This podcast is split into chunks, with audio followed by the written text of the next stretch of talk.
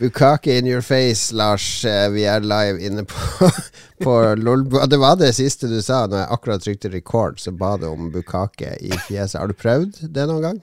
Det var lydsjekk, vil jeg understreke. Ja, det var, for der, kan vi bare, der skal vi bare si tull. Jeg foretrekker bare pearl necklace. Det Freud hadde hatt noe å si her med Hvorfor sa du akkurat det, Lars? det var jo fordi Mats sa det. Jeg sa det først. Ja. Ok.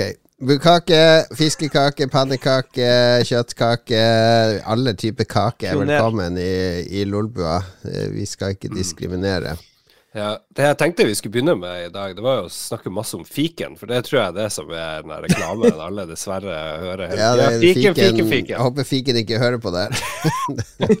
Fiken, fiken. Vi har, fått, vi har skjønt poenget, fiken. Hva er fiken for noe? Det er jo en frukt eller en grønnsak. Det er jo ikke en reklame for en frukt. Superenkelt regnskap. Regnskap, ja. Ja, Solgte tre brilleglass. Kjøpte mobilabonnement. Nettopp. Men eh, da jeg hørte fikenreklamen her om dagen, fordi av en eller annen grunn så kom den på, og Ja. så sier de ordet fiken, i hvert fall ti ganger, tror jeg, på et halvt minutt. Kanskje det er Fiken, sånn merkevarebygging. Kanskje vi burde si Lolbua òg mye. For her i. Lolbua, det er jo podkasten til deg og meg, Lars. Ja, Lolbua, absolutt. Hva du spiser? Det er ikke lov å spise under sending. Ja, ja, litt sørlandschips. Potetgull! Litt snacks. Jeg ble så sulten av alt det fikenpratet. Eller var det bukakepratet? Jeg er litt usikker. Ah, Ok, det var den annonsøren. Takk for, takk for de pengene. Får se hvem som blir neste. Hvem Ja, det er Mats, du er med oss. Ja, hallo. Ikke mer Platform Life. Nå er det free life. Er det, er det bare lov å spille plattformspill på plattform? no RPGs! Bring the Mario to the platform! Held, heldigvis ikke begrenset til bare plattformspill. Ok. Ja. Nei, Det hadde jo vært gøy å spille plattformspill på plattform. Det kunne vært sånn streamekonsept. Twitch-kanal. Det finnes veldig få oljeplattformspill, jeg tenker på. Ja, men Super Mario, det er jo mye rør. Han er jo en eh, plumber. Ja, kunne jobba i oljebransjen. Hvis Super Mario hadde blitt funnet opp i dag så, og vært norsk, så tror jeg han jobba i oljebransjen. Og han går jo i kjeledress. Mm. Går i kjeledress, ja. fikser rør, Skal, skal Super Mario er sånn ni av ti oljeplattformspill, tror jeg. Ja. Dr. eh, Games i Onkato, hvorfor heter han Mario? Det har jeg glemt. Var det, sånn, det var vaktmesteren Ja, han het jo ingenting i uh, det første Donkey Kong-spillet, der han dukka opp først. Og da var han jo også egentlig snekker i, i reklamematerialet for det spillet, men han hadde ikke noe navn. Ikke før Det visstnok rykta der at det var uh, vaktmesteren til Nintendo i USA, på hoved, eller i lageret deres i Seattle, som, eh, som het Mario, og som ligna litt på Mario, men det er, det er litt sånn der eh, for godt til å være sant-rykte. Ja. Men Det er en film, en veldig god film som vant Gullpalmen i Cannes eh, i, på starten av 50-tallet. En fransk film som heter Wages of Fear. Um, som handler om uh, to karer som skal frakte en uh, lastebil med nitroglyserin gjennom jungelen i uh, Brasil. Jeg har vist den til deg, Lars. Det er, ja, for det handler om Mario og Luigi. Og Luigi Ja, de to heter Mario og Luigi og har italienske aner, de to der. Det hadde vært artig hvis det var Luigi som var den redda. Bare oh, no! Ja, jeg, jeg tror at uh, Miyamoto hadde sett den filmen, og så bare Han likte den, og så tenker jeg ok, Mario Eller blir Luigi. Mario og Luigi. Mario. Ja. Så det er min offisielle forklaring. Det er eneste, Vi er den eneste podkasten som sitter på sannheten. Hvor navnet kommer fra. Det er fra den franske briljante filmen 'Wages of Fear'. Utrolig intens film. Tenk å kjøre en lastebil med nitroglyserin gjennom uh, jungelen. Hadde du gjort det, Mats? Eller jeg tror du mener Le Salaire de la Peur.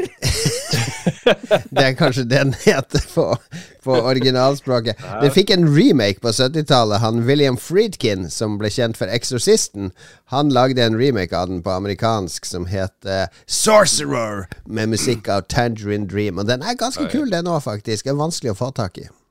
Hjelp, vi er på tur på fjellet, heter den på norsk. Hjelp, vi kjører nitroglyserin. Hjelp, vi Eh. frakter nitroglyserin gjennom jungelen. Bare sånn forklare hele filmen. Nei, jeg har ikke sett det. Det må jeg se. Ja, Kanskje nei, det er hjelptitlene. Har de En gammel banger. Ganske, Ja. ganske lang film til å være 1953. To timer og elleve minutter. Ja, det er jo uhørt er- lenge i Det var mye, mye for pengene. Ja, men varte ikke filma Sånn her eh, De der øst, nord og sør og Jeg husker ikke hva det heter. Vind Gone with the wind. Hva det heter det? Det varte jo i faen meg 100 år. Noen av de Ja, ja. gjorde det, og noen av de stumfilmene òg, at han der Carl uh, Theodor Dreyer, eller hva han heter, han svensken og sånn, de var jo i tre-fire timer. Eh, det finnes jo en sånn Napoleon-film, stumfilm, som tror jeg var i tolv timer, eller noe sånt. Det er lenge til, til filmer så primitive De, de visste altså. ikke at de kan å klippe filmene, da, så de bare filma inn alt, og så bare slapp Ja, det var noe med Det var så dyrt med film, så vi må bruke og vise alt vi filmer. Det må være full valuta for pengene. Hvis du klipper bort noe, er du gal? Det var nok, var nok noe sånt.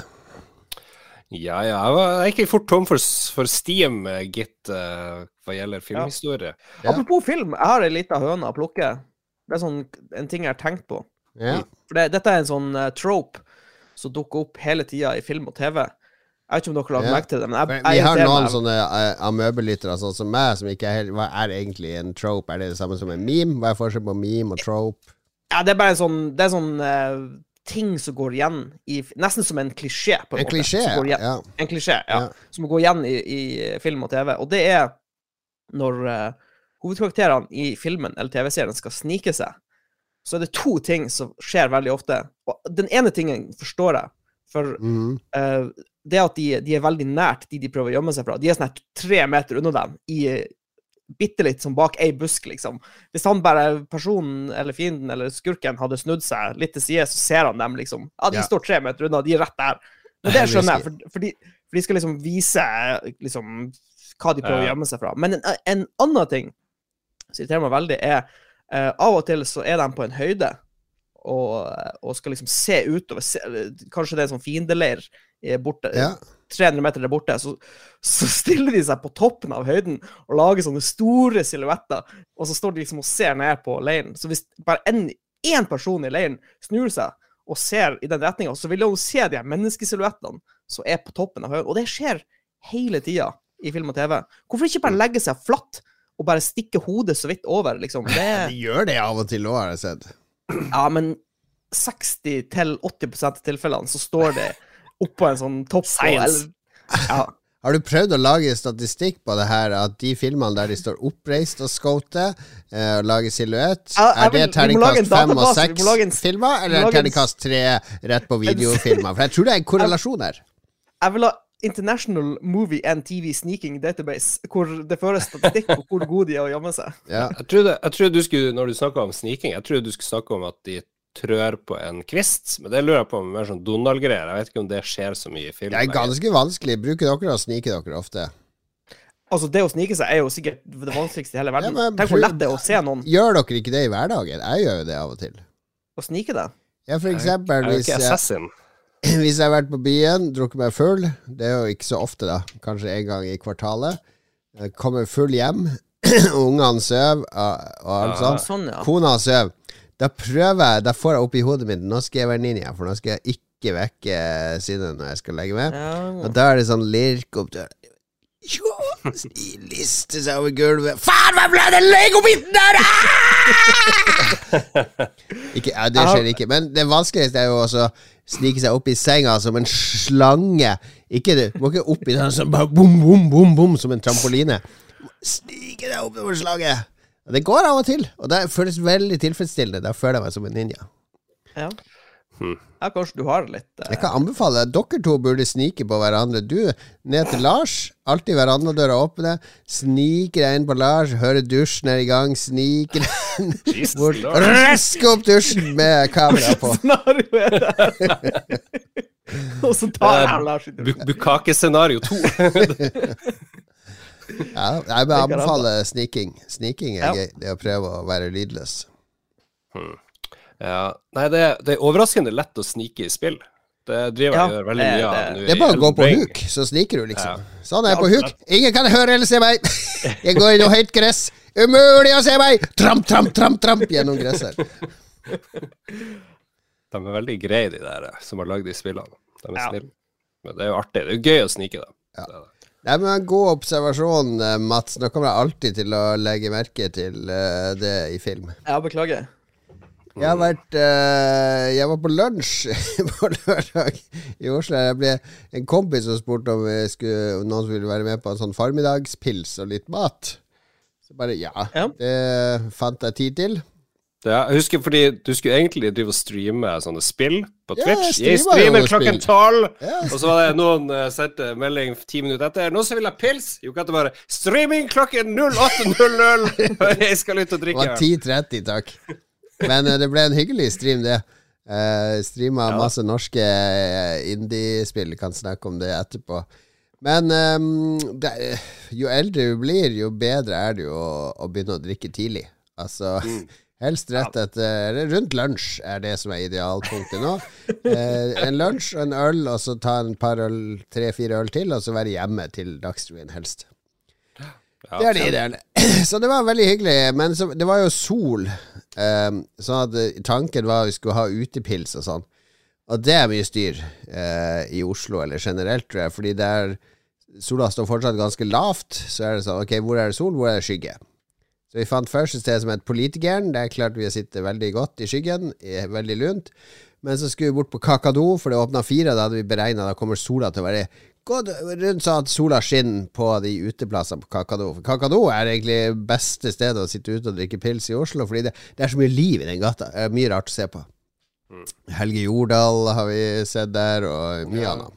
Du sa det annen Torg- husker Tore Sagen var det, eller hvem det var du så? Ja, Tore Sagen kom forbi når vi satt der nå. Så det er mye gjennomgangstrafikk av, av diverse riffraff.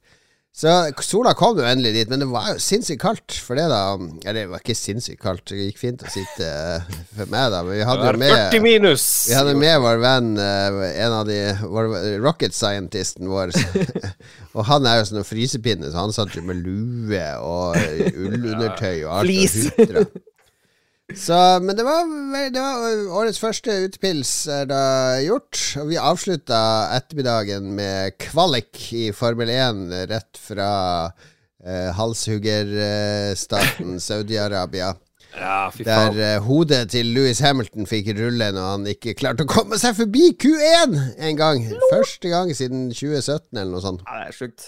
Ja, men jeg får litt dårlig Jeg drev og vurderte å boikotte, oppfordre alle til å boikotte, men så var jeg hjemme med korona, så da måtte jeg bare la prinsippene vike og se Saudi-Arabia Grand Prix, som jo var et veldig bra løp, faktisk. Ja, Sabel Grand Prix. Ja, det var Jeg Jeg også synes Det er jo motbydelig at det er i sånne diktaturstater og sånn, men så tenker jeg de, de Formel 1-folkene De gjør litt mer eh, ut av det med å protestere og hevde I hvert fall han er Louis Hamilton med pridehjelmer og, og men sånn. han Enn de er norske skifolk og sånn tør å gjøre. De er jo verdens beste der eh, jeg vet ikke hvilket land vi er i. Er det, å, er, det, å, er det diktatur og tortur i dette landet? Nei da, vi skal jo bare gå på ski, vi. Mm. Ja, det er faen meg utrolig dårlig. Nå må vi ta, vi må ta lærdommen. Det har ikke hjulpet Russland en tøddel, sånn som jeg kan se, i hvert fall. Prove me wrong, i hvert fall. Eh, Har det blitt bedre i Russland av at det har vært OL og det har vært Formel 1? Nei, det hjelper jo ikke i det hele tatt. Det er jo bare for å, å skape positiv PR for ja, landet. sport, sportsvasking. Ja, så, sportsvasking. Og se på de norske skifolkene. Ikke sier de noe, og når de er pensjonert, så er det om å tjene millioner på millioner på klær, og så flytte til Sveits. Herregud, for en moral i det norske skimiljøet! Og dette heier vi på i Norge. Eh, ja. ja. Men det er jo folk som uh, ofrer vennskap, familie, absolutt alt for å konsentrere seg, konsentrere seg om seg sjøl og gå på ski jævlig mye Det er verdens største 10-15 egoister. år. Jeg vet ikke, det må jo være noen hyggelige skigåere. Jeg sier én. Jeg kjenner jo ingen av dem. Det må jo være det. Jeg er sikker på at de er der. Men Bjørn Dæhlie, fuck han. Thomas Alsgaard, han tror jeg eh, hvis, hvis vi skulle ha med én ski, en skistjerne på hytteturen vår Vegard Ulvang? Nei, han tror jeg er tørrpinn. Ja, det er litt tørr, men han tror jeg er snill, tror du ikke det? Vi, vi, vi inviterer han uh, Petter Northug så tar han med noen lisse. Petter Northug, ja, han får være med på hytteturen. Han er gøy, i hvert fall. Det. Han er morsom. Ja. Yes. Nei, men det var, det var, det var min eh, lørdag. Det var en veldig fin, hyggelig lørdag. Fikk streama, fikk sett Formel 1, fikk tatt utpils. Jeg spiste vietnamesisk bagett med lemongrass, som det er så fint heter. Fordi nei da, vi kan jo for guds skyld ikke si sitrongress. Da høres det ikke så eksotisk og fint ut. Mm. Men eh, mitt, det var eh, mitt, I mitt nye Norge så er det ikke lov å spise lemongrass. Du skal kun spise ting, konsumere ting lagd i Norge. Det er Forbudt å drive og sende sånn her lemongrass fra jeg vet ikke hvor du lager det, Sveits. Ja da, det blir slutt på taco! Woho! Jeg gleder jeg meg til å verset i Norge Hæ? Taco? Tacoskjellene blir jo laga av eh, meksikanske jomfruer i sånne tacofabrikker. Er Barnearbeid. Kan du, kan du gro mais i Norge? I klimaet? Kanskje I ikke? drivhus kan du vel gro alt, kan du ikke det? Ja, du kan jo det. Sikkert. Det blir, blir ganske dyrt, da. Mye strøm. Dyr mais. Det blir dyr taco. Eks Ja, eksklusiv taco. Okay, glem det der. Vi skal importere alt. Du har fått eh, korona, har jeg skjønt, Lars. Nettopp. Snakk om å gå rundt andre gang. Du har nettopp vært sjuk med korona, har du ikke det? Nei, jeg hadde en sånn runde med et eller annet hvor jeg mista smak og lukt, og så gikk det over. Fikk aldri positiv test, men dagen etter vi tok opp forrige Lolbø, Mm. så testet jeg positivt for første gang. Woo! Ja. Jeg var ganske glad og fornøyd, men uh, nå har det jo faen meg gått en uke. Jeg driver enda og er litt sånn her, blir fort sliten og Ja, du ser det ikke helt 100% ut. Oi, oi, oi. Ja, det ikke, ikke helt 100 Litt sånn utrolig irriterende. Det eneste jeg lukter, eksempel hvis jeg skal For jeg går rundt og lukter på ting, for da har jeg mista det greia. Lukter på appelsinjuice. Hm, en sånn vift, en sånn anelse av sitron. Det er det eneste jeg får Det var der. Litt sånn sitrus. eh, Ja. Ja, okay. Men så spiste jeg en uh, appelsin. Smakte ingenting. Ingenting smak den. Veldig Kanskje rart. Fis, lukter det fis, da?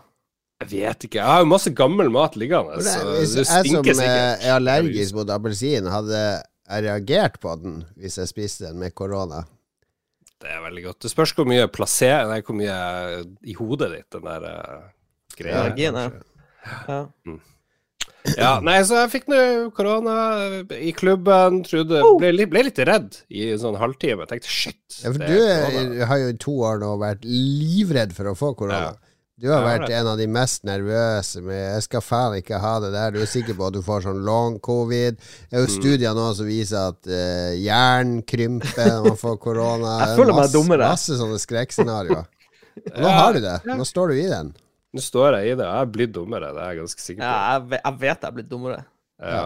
Kan ikke lukte noe. Også, men det som er irriterende, er at jeg, blir litt, jeg er litt sånn slapp. Jeg er litt slapp. Uh, Ja, det kan vare lenge, har jeg hørt. det er ikke noe galt med meg, men det er bare sånn uh, Har du prøvd å gå tur eller trene eller sånne ting? Ja, da, jeg prøvde å gå litt hver dag. Var en tur i dag på butikken, kjøpte masse godt. uh, men det er et par dager bare var jeg inne og lå og klarte ikke å gjøre noe. Altså. Men, uh, men jeg tenker Tenk hvis jeg fikk korona før jeg hadde tre sprøyter. Hadde jeg blitt enda mye dårligere? Hadde jeg bare dødd da? Ja, det er jo det som er greia. Ja, da hadde det- du blitt sjukere, ja. Jeg er ganske sikker på at jeg hadde blitt drittdårlig hvis ikke jeg hadde hatt eh, tre, faktisk tre sprøyter om bord. Mm. For, for, for meg gikk det veldig greit, men uh, det, det er jo forskjellig. ja. Mm. Jeg, det er, altså, jeg er det eneste übermennesket igjen her. Som Ja, du begynner å bli Du er med i en veldig eksklusiv klubb nå, Jan Cato. Ja, jeg, jeg er jo det. 1% Society, tror jeg Ja. må være. Noe sånt. Mm. Vi må, vi må, vi må eh, ta ei sånn ryggmargsprøyte og ta ut litt godsaker fra deg, sånn at vi har det i tilfelle det, det skjer noe. Ja, Jeg vil ikke, ja. Litt jeg vil ikke ha noe fra den der forfalne kroppen til Aukate. Det er liksom har vært så mye på sykehus. Ja, og jeg har sosialisert så mye òg. Jeg har vært på byen, var på Jeg har vært på Jeg har vært masse ute og møtt folk, og folk på jobb, og, og Mm. og tilstelning og middager. Og, så det er jo veldig rart at jeg ikke har fått det, syns jeg. Men du går eh, bare i sånn high society, vet du. Det er ingen som eh, får seg sykdommer der. kan være, kan være Guds veier er uransakelig. Er det ikke det det heter i det mormonerne sier til deg, Lars? Stemmer det? Hva, det var den gamle musikken! Jeg glemte Jeg tenkte ja, der var det litt Arkanoid igjen, ja. Det. Arkanoid. Ok, Guds veier er uransakelig. Lars, er det ikke det mormonerne sier til deg? Yeah, boy!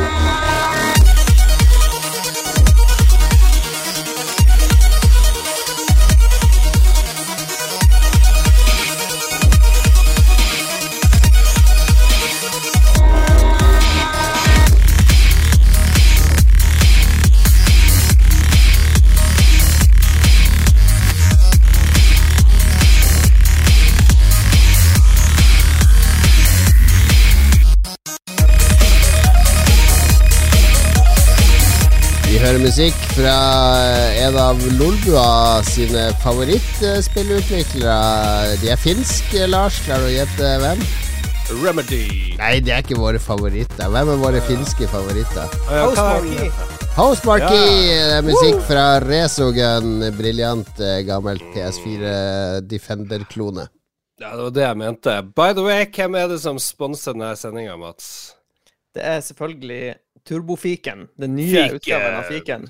Fiken, fiken! fiken. ja, det hørte de sponsa han uh, Will Smith òg i helga. Sponset av Fiken!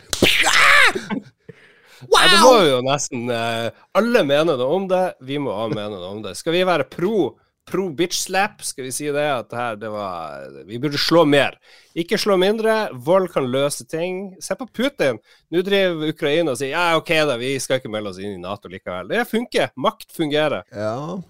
Nei, altså, jeg tror vi må komme opp med et alternativ. For um, problemet med sånn åpen, åpen hand og fike til noen, er at du kan få fingrene i øynene, så blir du blind på et øye. Så det er liksom, det er ikke bra, det heller. Så vi må, vi må, hvis vi klarer å finne ei løsning hvor det ikke er fare, fare for faktisk skade på personen Ja. Eh, Asiatene har jo løsninger. Eh, fordi hvis Husker dere den filmen hvor eh, Shanghai Express eller Cheng, Jeg husker ikke hva det var. For dem og tok på ansikt og munn på hverandre. Det var liksom ultimate disrespect. Bare Ja, ok. ta på ansiktet. Fing. Fingre litt på ansiktet. Ja, ja, ja. Ja, det, Ja. det er guff. Nei, men jeg tror vi har Vi har, uh, vi har laga en for definisjon av hva er grov vold. Alt er grov vold nå. Ikke sant? Ja. Hvis, jeg, hvis vi går Hvis jeg slenger bananskall på gata foran Lars, og han sklir og faller på det, så er det grov vold. Det er utøvd vold mot Lars. Ikke sant? Det, det, vi er på det nivået nå. Så I gamle dager så var det sånn en slap. eh, Det var, det var irettesettelse. Det var ikke vold.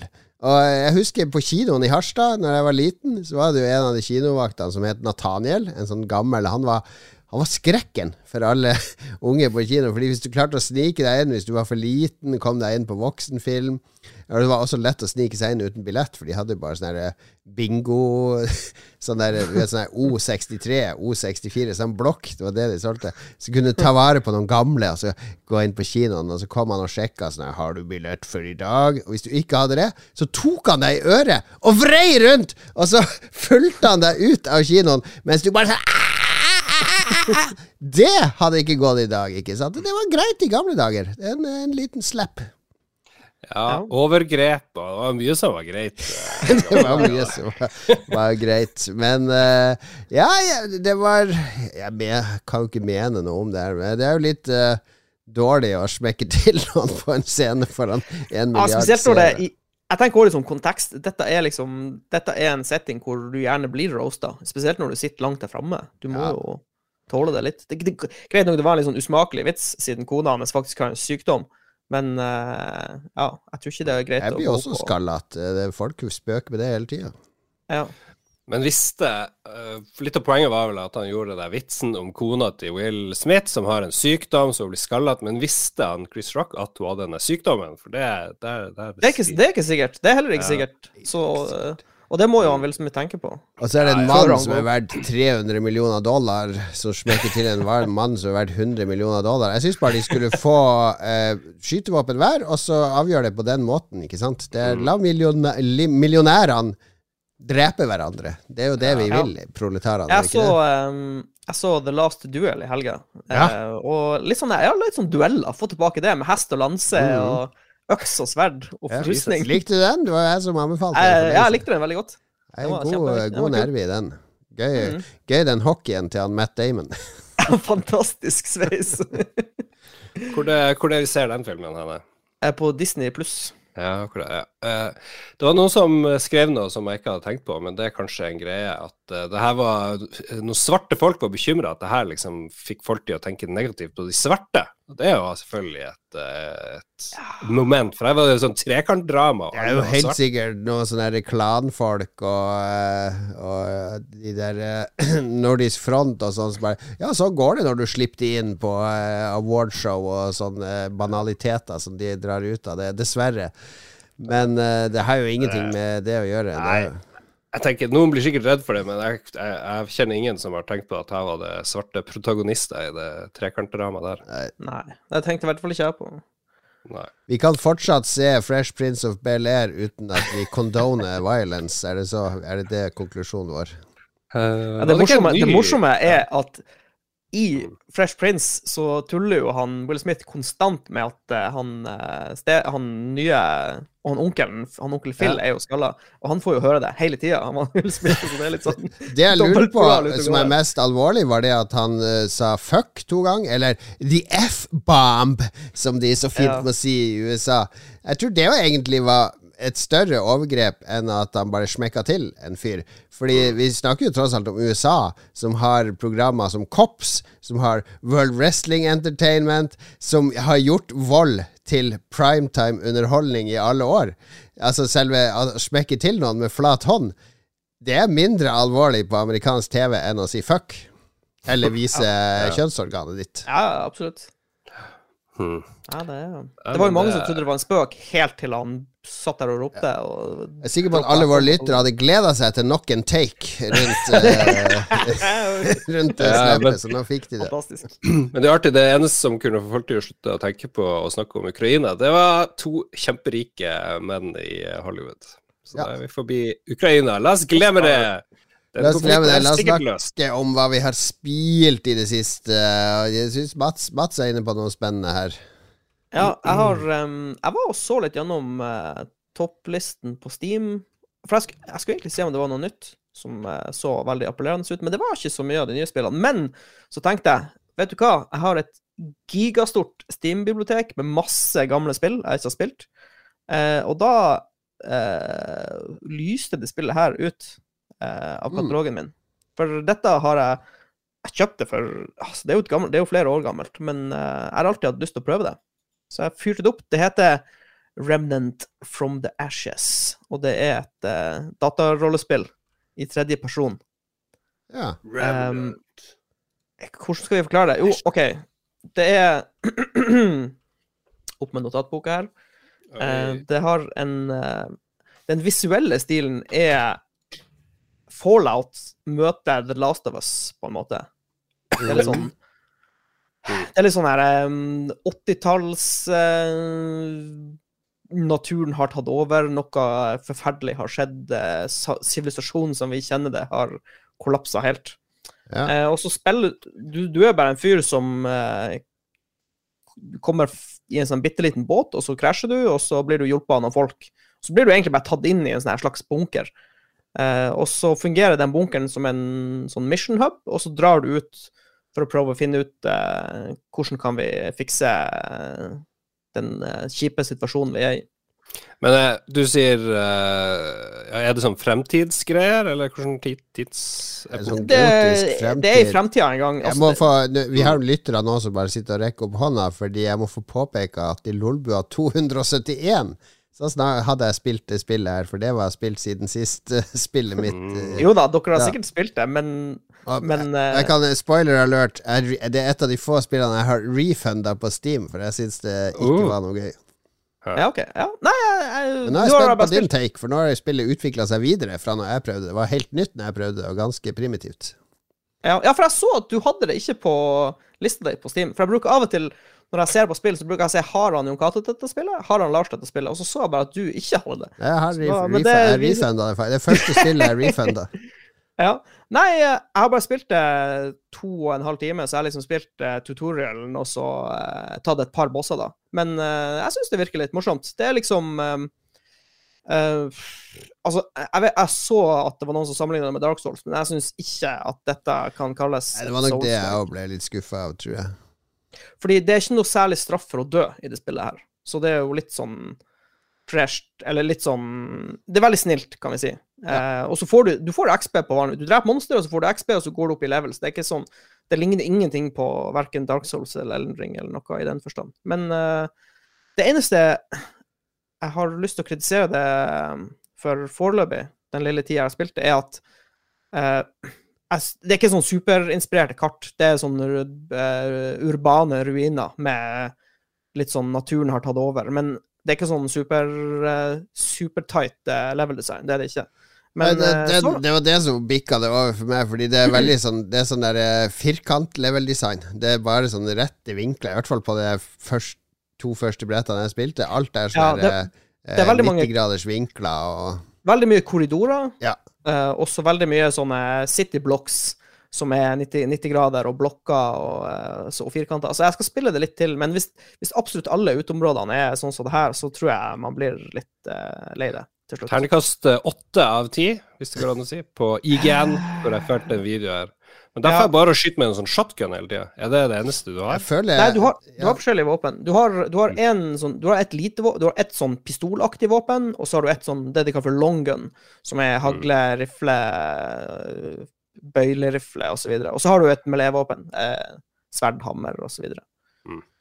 Men eh, du har liksom Det virker Det er litt sånn uh, kule eh, game mechanics med at du har, eh, du har sånn valgfrie mods du kan sette inn i, i våpnene. Og, og de, det, det virker som det definerer klassen din, på en måte.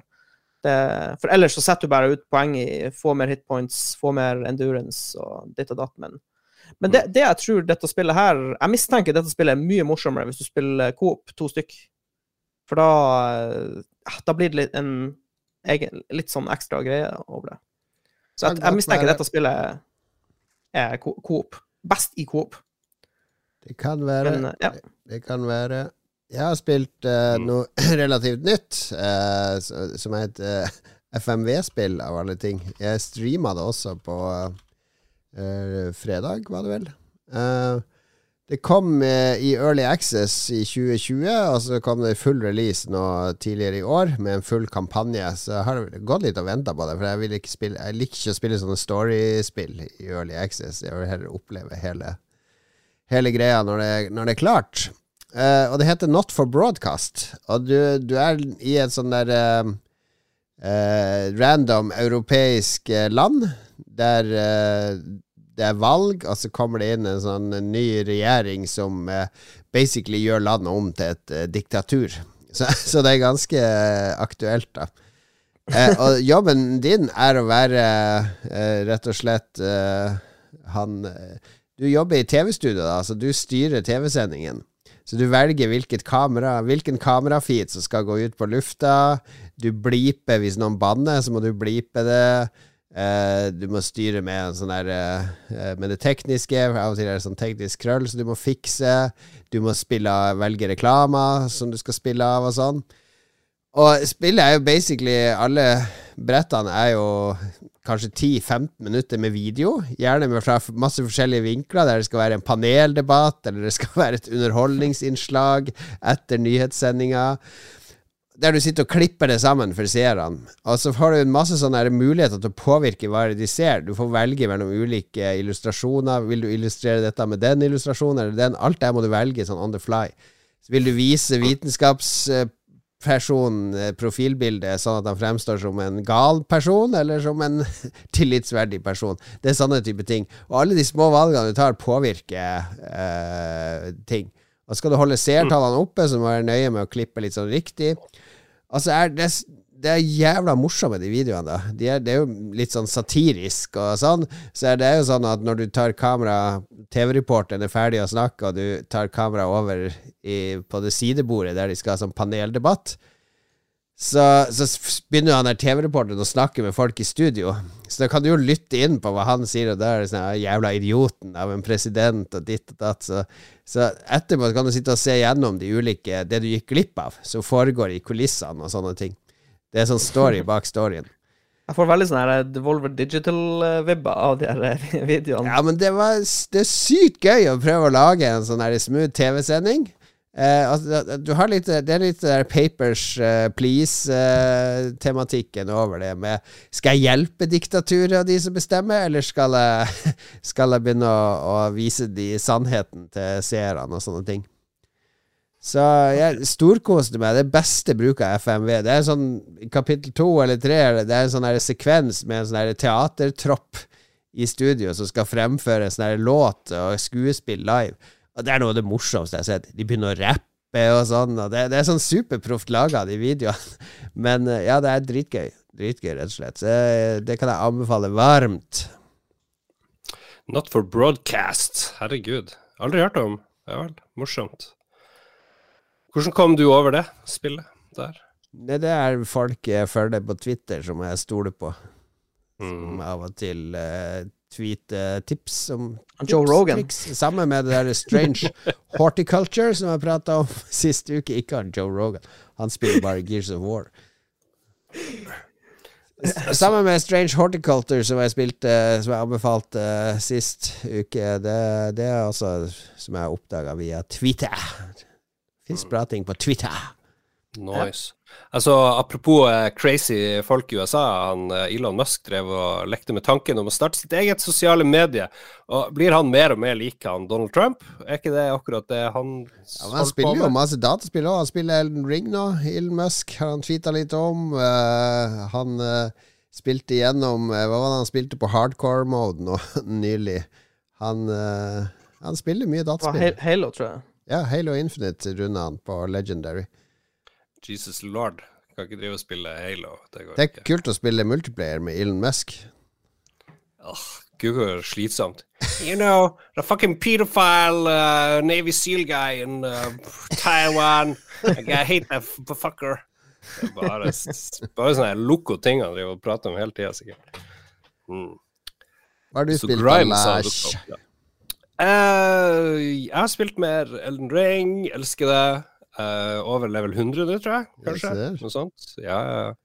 Nice. Men eh, det er jo så stort det spillet, og jeg prøver jo å unngå spoilers. Og det, jeg får jo mye å gjøre. Jeg vet ikke Masse store områder jeg ikke kommer meg til. Og sånn. Jeg aner ikke hvordan jeg skal fære dit. Men eh, ja, ja. Nå driver jeg og prøver å finne ut hvordan jeg skal komme meg på toppen av der Albinaurix-plassen der. For hvis du springer under der, så ja, jeg vet ikke.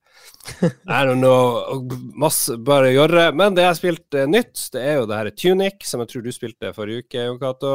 Eh, Mm. Syns det var litt sånn slitsomt i starten. Det, jo, det ser jo ut som Zelda. Ja, altså, det er litt sånn I starten så blir du litt frustrert over hvor skal jeg gå, hva skal jeg egentlig gjøre, hva Ja. er greia her. Ja, det er frustrerende. Så, så har du veldig lite instruksjoner. Men så plukker du opp en sånn, et sånn instruksjonshefte som eh, Eller som en bare- side til et instruksjonshefte. Ja, ja, og så blir det bedre og bedre. Og så bare Oi, shit, der er jo et kart, og der er jeg på kartet, og der er det nye områder der jeg får og lurte på i sted, og nå vet jeg jo hvor jeg skal gå dit. Og. Så det er litt gøy. Det, og så plutselig har jeg oppdaga at du kan teleportere, så, fordi jeg så i manualen Oi, hvis du holder inne eh, A lenge, så kan det skje et eller annet. Så da lærte jeg plutselig å teleportere. Ja, ja, ja. Actual fuck. Men det er liksom løpe òg. Det tok meg også 20 minutter før jeg skjønte at hvis jeg holder inne rulleknappen etter jeg ruller, så begynner han å Mm. løpe. Ja. Altså, det er kanskje litt obskurt. Eh, noen av de her eh, skjulte plassene og store områder er jo sånn helt tilfeldig om du klarer å finne det, virker det som av og til. For eksempel, jeg fant et hus, jeg ikke, jeg husker ikke hvordan jeg kom dit, jeg glemte. det. Da kan du bytte utseende og hvordan klær du har på deg, og hudfarge og sånt på den der reven, eller hva det er. Aner ikke hvordan jeg jeg meg pels. Ja, du skal bytte pelsfarge. Men eh, skal, Men kanskje alt være så bytter farge vanskelig? også under pelsen? Ja, ja, ja. Nei, men jeg har tatt et par bosser, jeg har fått den der staven med magi, og det er veldig OK. Får litt sånn fes-vibes av det. Ja, det, det, er, det liksom puzzles er magisk lag. Ja, masse puzzles i det. Mye puzzles, og så er det så Og så kan du bytte. Det er en knapp egentlig for å lokke på fiender, men du bytter litt perspektiv på skjermen, og det går jeg å holde inne hele tida, for det er så mye secrets, og det er så mye ting som Mm. røpes hvis du gjør det. Jeg blir litt sliten, så jeg hopper litt tilbake til Ellen Ring, men jeg kommer nok tilbake. Det er ikke, Elden Ring er jo ikke noe lett. Ja, men Elden Ring, det, jeg er blitt vant til det. og Det, det var så, Å, det er så deilig, det Elden Ring-verden. Jeg gruer meg til er det. Gruer meg til det. Ferdig. Er du, er du ferdig, Mats? Nei, jeg er faktisk ikke helt ferdig. Jeg driver og surrer sånn jeg, jeg tror jeg begynner å nærme meg slutten. For jeg, jeg, drept, jeg har fått veldig mange sånne remembrance-greier, og nå er jeg kommet til sånne gigastort uh, busker helt, helt Mm. i nord, så ja. Ja, Jeg shit. Jeg har bare én remembrance. Jeg har bare dekket to kommer sikkert DLC til det òg, vet du. From Software bruker å være eh, flinke med det. Det kommer garantert. Men jeg tror jeg mistenker at vi er i 2023 når den kommer. Vi får se. vi får se De utsatte jo Zelda Breath of the Wild 2 i år, og det var jo like greit at ikke det skulle krasje med Elden Ring om uh, Game of the Year Uh, Ja, det er sant. Ja, det blir jo uh, blir vel Sea of Thieves. I år kan vi ikke Vi kan ikke la Nei, det det må, jævla det må bli Elden Ring. Jeg legger inn protest.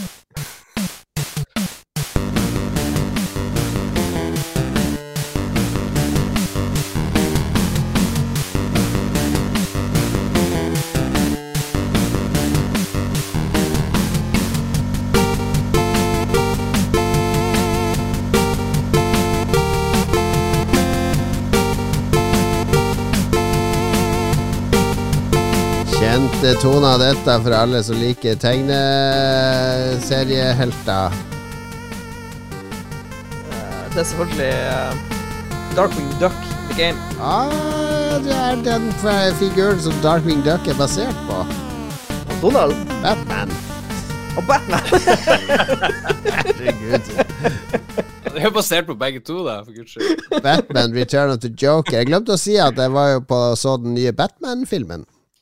Å, Den som heter Emo- emo eh, Batman. Den som heter The Batman. The, The Bat. The Batman. Har dere sett den ennå? The Verdict. Nei, jeg har ikke fått sett. Vi Vi skulle se den i forrige på uke. torsdag, eh, Ja. den dagen han Lars testa positiv. Ja, ja, ja. Nei, den, eh, den er jo laget som et ondt år. altså, er, den, er mør den er så mørk. Det er så mørkt bilde. Jeg trodde det var noe galt med kontrasten og brightnessen i kinosalen. Fordi det er sitter og myser hele tida. Ser ingenting. Eh, det, er- jeg tror det er sånn som Seven. ikke sant? Seven det skulle regne hele tida. Det er alltid skumring og mørkt. Det, det, det er ganger ti. Herregud, må det være så mørkt? De er på ja, sjukehus, du- liksom. De er på et sjukehus. Alle lysene er slått av! Vi skal ikke ha noe lys på sykehuset vårt! Vi skal ikke ha noe lys i korridorene. Det er ikke viktig at, at legen ser når han opererer. Bare slå av lysene. Her skal vi stå i mørket.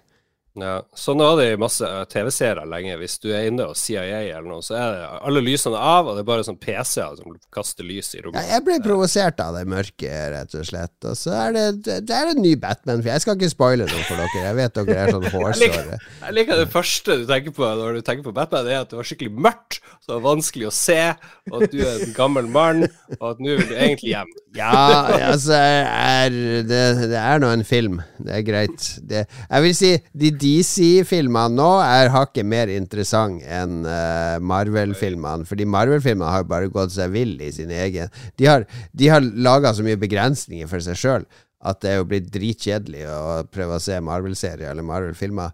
Mens DC, de bare vi, La oss prøve en helt ny retning. La oss bare prøve ditt og datt.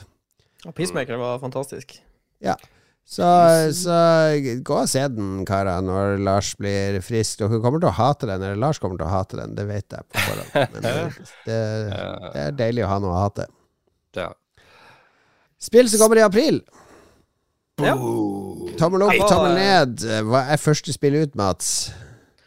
1. april kommer det et spill som heter Terrorbane, og så har de liksom alt i lowercase, bortsett fra error i Terrorbane. Så jeg tror det har noe med det å gjøre. At det er noe error. Altså error. Hvis du da tar ut erroren, så står du igjen med T-bane. Så det kan være Ja. at det handler om noe i Oslo. Det er et spill som kommer i 1. april på PC og Switch, eh, og det er et sånt slags humor... Humorspill? Ja. Humor Final Fantasy. Humor. Final Fantasy. Altså, Det ser ut som det bare å spille glitche. You know, this Ja. is really Ja. cool, but I'm launching a Litt game. rann, hører litt av traileren i det bakgrunnen nå. Ja, ja. Ok, det, det ser veldig rart ut, det her, da. Det ser veldig rart ut. Det gjør det. Det gjør det. Men det var, det var på flere av listen eh, av spill Ja. som kommer i Det ser jo ut som et sånn der uh, spill der du Et sånn metaspill der du spiller et spill i spillet. Altså Ja. sånn som det der eh, Som vi prøvde å spille med Philip i spillklubben, som jeg ikke liker, men som er genierklært. Det der uh, visual novel Hva heter det, Lars? Kom igjen, da. Eh, typ- typ- ja, det er kjempebra. Doki Doki Ja, Literature Literature Literature Club. Club. Ja, det ser ut som å være noe i den banen med at du Ja. skal inn og, og endre på Meta. skript og koder og sånn. Eh, Det, det har kanskje ikke imponert folk så veldig mye, for jeg har bare 19 kommentarer av release-traileren. Og eh, en av kommentarene er Is it even that hard to make a game? Ja, men siden du bare har 19 kommentarer, så skal jeg gi det tommel opp. Det, jeg håper de lykkes. Jeg liker de metagreiene, egentlig. Mm. Ja. Jeg tror jeg er så slem at jeg gir det tommel ned, fordi jeg tror ikke jeg kommer til å spille det. Tror det her blir Game of the Year, tommel opp. To tomler opp til Terrorbane, som det heter. Neste spill Ja. 5. april så kommer intet mindre enn enda et Lego Star Wars-spill, The Skywalker Saga. A Jedi is Alright. Nå har jeg jo prøvd å spille de her Lego-spillene. Det blir litt for lett. blir for kjedelig. Men eh, hvis du spiller med barn, sikkert. Men du som er sånn completionist, det er ganske mye gnukk for å få alle de her delene som er gjemt på hvert brett og sånn. Det er litt for mye gnukk, nesten. Ja, men det er derfor du har en sånn the nevø eller eh, niese som Start kan with sette- Poe sitte Dameron i fighting off the First Order in 25 timer på ett brett og søvnfare det etter sånne her egg og gullmynter og Ja. Jeg si, den traileren du har linka til her, har 2,8 millioner views, eh, Mats. Så det her er nok betydelig mer Et lite kvantesprang fra Error Main. Ja, Nei, men jeg eh, Disse spillene er ikke Eller Greia er at de ungene mine liker heller ikke de spillene, så jeg gir det tommel ned. Det, jeg tror det er, det er bare en, en uinspirert melking av noe samme spillet som de har laga i 20 år nå. Jeg gir det tommel opp fordi det er Star Wars. Yeah. Ser faktisk ganske bra ut. Det Altså. ser bra ut, det gjør det. Ja. De har alltid sett bra ut. Slutten av traileren er at uh, han Luke Skywalker og han Darth Vader er i, i hvor de han kappa av haren til han Luke, Eh, og så detter han ned i ja, Cloud City. Veldig kult. Very cool. Tommel opp fra meg, kun tommel opp fra Lars. Ricardo Lars er dag. positiv i dag. Jeg liker Positive det. Lars. Du er, du er Lars. covid-positiv og positiv. Alltid få covid, Lars. Da forsvinner all kritisk sans. Yes. Men nå, folkens, nå er det bare å gjøre seg klar for tomlene ned. For 5. april kommer også Oh no. MLB The Show 22. Et baseballspill. God damn it. Hva er Skulle vært galt lov å med baseball. baseball? Det skulle ikke vært lov å selge det utenfor USA. Er det noen som bryr seg, liksom? Jeg USA kan ikke reglene. Jeg forstår ingenting av det som Jeg skjer. Jeg elsker Jeg husker Street Sports Baseball fra Epics Games på Commodore 64. Spilte det masse! Det var sinnssykt kult. Og det er flere baseballspill jeg spilte på Commodore 64. Jeg kan reglene. Det her er tommelen opp fra meg. Eh, jeg, jeg har savna et ordentlig baseballspill, faktisk. Ja, så bra. Hmm. Da kan du eh, kose deg på Switchen. Eh, Fjerde, Ja, femte. det blir vel på 5. april. eh, Er det ikke på PC òg? Jo, det er på PC òg. Ja, nei, Nei, jeg tror faktisk dette bare er fakt PlayStation, Xbox PS5. og Switch. Jeg tror ikke jeg tror ikke det kommer på PC. Da blir det på PS5. Lages det ikke av PlayStation? Er ikke det noe sånt? Jo, det er Sony San Diego, så det er et av de Ja. Det er kanskje det eneste Sony PlayStation-spillet som også kommer på Xbox. Det er jo litt interessant. Det er litt spesielt. Traileren har bare 28 000 views, så det Den er ganske fersk, tror jeg, den traileren. Vi er liten, men har kjerne. Ja, den, den traileren kom i går, da, så den har akkurat kommet ut. Skal Jeg, jeg lika den nå, så nå har de 505 likes. uh, vet dere hva det står? Du kan gå på hjemmesida. Visit our site for all baseball news, stats and scores. Det er sånn typisk uh, baseballfolk. Det er kun scores og stats og tall. er Statter er jo superviktig i baseball. Det er jo det, det, er jo det de baserer verdien på en spiller på, er liksom hvor mange ganger har han strika ut og Ja, det er ikke viktig i Formel 1 i det hele tatt. Hvor Ja. mange podiums, hvor mange qualifiers, hvor mange Nei, Jeg er ikke opptatt av det i det hele tatt. Ja, men det er jo ikke det du går og tenker på. Hvis du er en baseballfan, så ja, han, han har sånn average hitting points, ditt og datt. Det er sånn som folk vet. Du vet jo ikke hvor mange pole position noen har, Cato. Tommel opp. Baseball, tommel opp. Får se om Lars er på sin happy streak. Ah, vet du hva, jeg klarer ikke. Tommel ned. Å Det- nei! Jeg, må, jeg må gi tommel ned, for jeg forstår ikke baseball. Det, og det er ikke noe slemt mot MLB, The Show. Hva står MLB for, Mats? Major League Baseball. Right. Ok, neste Går jeg ut, da. går jeg ut ifra. Mats Lars Bitches. Uh, ja, og så går det to dager, så vi kommer til Det er veldig sånn her eh, alle, alle spillene i april kommer enten 5., 7., 14. eller helt til slutten. Hmm. Eh, men 7. april så kommer det to spill som jeg har notert meg. Det ene er et spill som heter Chinatown Detective Agency.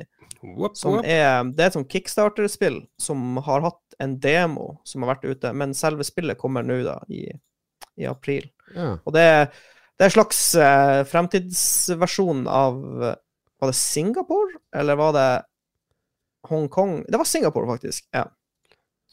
Wartraw. Så eh, det er litt sånn uh, 8-bit-greier på gang her. Mm. Eller Ja, 16 det bit. ser litt retro ut. Ja. Men jeg vet ikke helt hva du skal gjøre i spillet. Jeg går ut fra at det har noe med detektivgreier å gjøre. Yeah, your contacts are no show, your client wants answers, and your empty bank balance hangs over you like a neon-tinted sword of Damocles. Du er i Året er 2032. 2032. Ja. Welcome to Chinatown Detective Agency. Ja, det var Det foregår i Singapore, står det her. Du spiller i Jeg tror det, hun der eh, dama som heter Amira Dharma, tror jeg er den karakteren du spiller. Tar Ja, for så vidt litt kul stil. Litt sånn som det der Ja. eh, Anno Mutatio-nem-greia jeg nevnte sist uke. Ja, dette, jeg må gi tommel opp, for dette er noe sånn indie-shit som ser eh, interessant ut. Ja, Helt enig. Tommel opp. Jeg kommer ikke til å spille det her, gir det tommel ned. Bortsett fra at de skriver Å nei. Når det her de har- kommer, så sitter jeg og koser meg med baseball. Har ikke tid å spille det her. Tommel ned. Vet du hvordan de skriver i traileren? In a world corrupted by power. Så har de putta sånne eh, streker over o-ene, så det står In a world corrupted by power. Så det er en sånn norsk ø. Come on! Det går Det er. Monty, Monty Python-spill. Smart strekk. Men du har gitt det tommel opp. Tommelen Too late. Too late. Too late. Ja. All right. To tomler opp, én ned. Og neste, da Det er en gammel remake. Ja, Eller en ny det kommer et gammelt, et gammelt spill som heter Chrono Cross, kommer i remastera utgave. Og det heter intet mindre enn The Radical Dreamers Edition. Oh, er det noen yeah. som har spilt Chrono Cross? Jeg har spilt det. Det er jo oppfølgeren til Chrono Trigger. Chrono Trigger er en udødelig klassiker. Og Chrono Cross var en place eh, Chrono Trigger var da på Super Nintendo. 8-bits eh, Nei, 16-bits 2D klassisk JRPG. eh, Med tidsreising og alt. Du husker det godt, Lars. Krono Trigger. Ja, det var jeg husker magisk. Jabba satt og spilte det på Kringsjø. Ja, ja, ja. Magisk spill. Og så kom det en oppfølger på PlayStation som heter Krono Cross, som er litt sånn eh, den, den var litt annerledes. Eh, Ja, jeg vil heller spille Kronotrigger. Er det blitt det finnes det noen god utgave? Er det noe vits å spille de spillene? Er vel Radical spørsmålet. Dreamer Kronotrigger. Trigger. Ja. Bør jeg spille Kronotrigger eller det her? Kronocross? Kronotrigger tror jeg er best å begynne med. Det her er litt mer uh, for viderekomne. Men jeg, jeg spilte det en del på PlayStation, jeg husker det, men jeg runda det aldri. Eh, fordi jeg, var, jeg ble skuffa over at det ikke var liksom Det var ikke noen direkte link til Chrono Trigger. Hva- Det er helt nytt, liksom. Ja, det føltes som noe helt annerledes, men uh, det er jo blitt en kultklassiker, og traileren har tross alt 358 000 views. Så jeg skal gi det tommel Oh opp. Nå er jeg ferdig, nå har jeg vunnet baseball-ligaen. Da er jeg klar for litt uh, Kronocross-gjensyn. Uh, Google har svarene på alt vi trenger. Is kronocross better than kronotrigger? står det da jeg googler på det spillet. her. Og uh, Google sier kronotrigger is one of the best RPGs or games really ever made. Ja. Google vet. Så Ja. da gir du tommel ned, Lars? Jeg tror jeg gir tommel ned der. Altså, det så ikke så nice ut. Ja, jeg tror Jeg har Så skilt spilt ut. Jeg har- ikke spilt Chrono Trigger, så da tipper jeg Chrono Cross utgår. Men, Men eh, eh, traileren på der nye, det ser jo ut som noe piss de har bare putta på. Det er jo PlayStation 1-versjonen som de har bare pussa opp litt, ser det ut som. pynta litt. Ja. Mm. Ja, ja. Det er helt topp. Helt topp. Tommel ned. Én tommel opp bare til Kronocross. Ja. Beklager alle otakus der ute. Så i Det, det er Japan-hatet er sterkt her. Ja. I love Japan. Uh, og så går det ei uke, så kommer vi til 14. april, og da kommer det to Det var egentlig veldig lite spill som kom i april, så jeg måtte virkelig uh, grave. Jeg Du hadde- hopper over at uh, House of the Dead-remaken eh, kom 8. kommer til april. Switch eller noe sånt. Jesus Christ, Lars. Gå tilbake Det, var, i det, var, det skal sies, det var veld... Jeg vet ikke hvorfor akkurat april, men det var veldig mange gamle spill som kom på Switch i april. Eh, hva det var mer? Det var Jo, The Force Unleashed kommer på Switch i april, liksom. Og det er jo et kjempegammelt spill, så jeg vet ikke helt hva som skjer med det. Men ja. Men 14. april så kommer det et spill som heter Crime Site, eh, som så litt interessant ut. Herregud, så har bare 3000 views! Hva er det her for noe?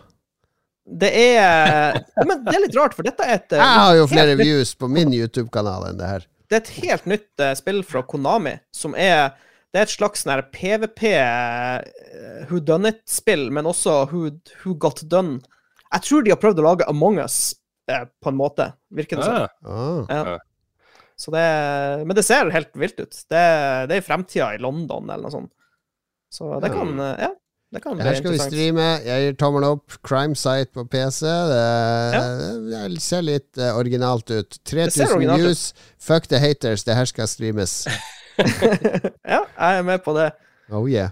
Tommel opp. Ja, ja, ja tommel opp eh, på det her eh, spillet som uh, vi blir eller ikke blir å streame. Vi taler den lille manns sak.